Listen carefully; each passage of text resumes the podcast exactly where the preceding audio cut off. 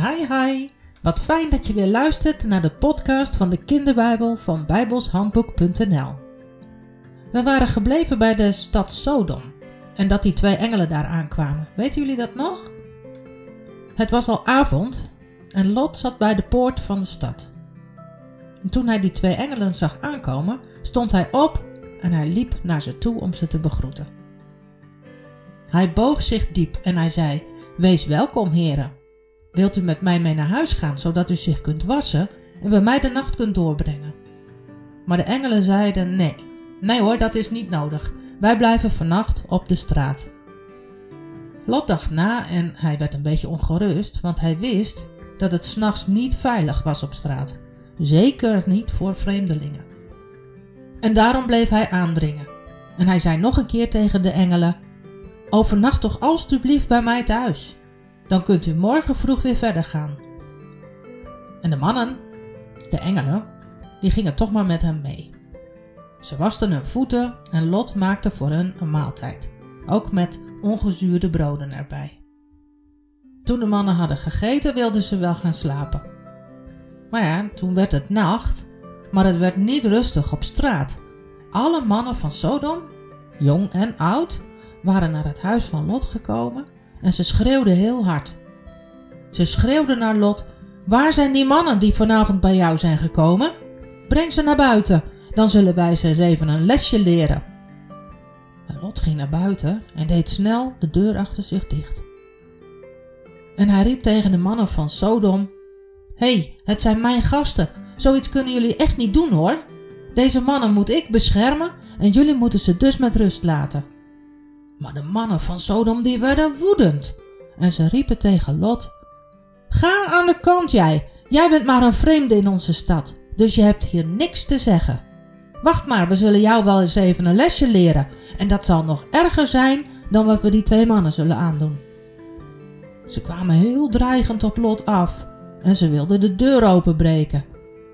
Maar de twee engelen, die trokken Lot naar binnen, heel snel, en ze gooiden de deur dicht. En toen? Toen zorgden ze ervoor dat de slechte mannen van Sodom de deur helemaal niet meer konden vinden, hoe goed ze ook zochten. Het was net alsof ze blind waren geworden. De twee engelen zeiden tegen Lot: Jij moet nu alle mensen die bij jou horen ophalen en meenemen, de stad uit. De kust is nu veilig, want alle mensen in Sodom zijn verblind, dus ze kunnen je niet zien. Breng nu je familie bij elkaar, nu het nog kan. Want de mensen hier zijn zo vreselijk slecht dat de Heer de stad zeker zal vernietigen.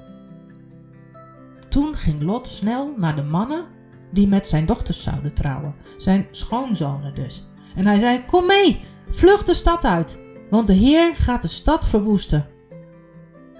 Maar zijn schoonzonen lachten Lot uit. Ze geloofden er helemaal niks van. Het begon al bijna licht te worden en de engelen zeiden tegen Lot: Toe, schiet op, ga snel de stad uit. Neem je vrouw en je twee dochters mee en vlucht. Nu, want de stad zal verwoest worden. Als je nu gaat, zul je niet gedood worden. Maar Lot twijfelde toch nog. Zal het echt waar zijn? Zal Sodom echt helemaal verwoest worden? En zijn huis dan? En zijn dieren? Moeten ze dat allemaal achterlaten?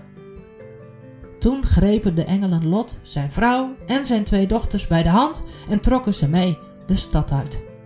Want alleen Lot was een onschuldige man in Sodom.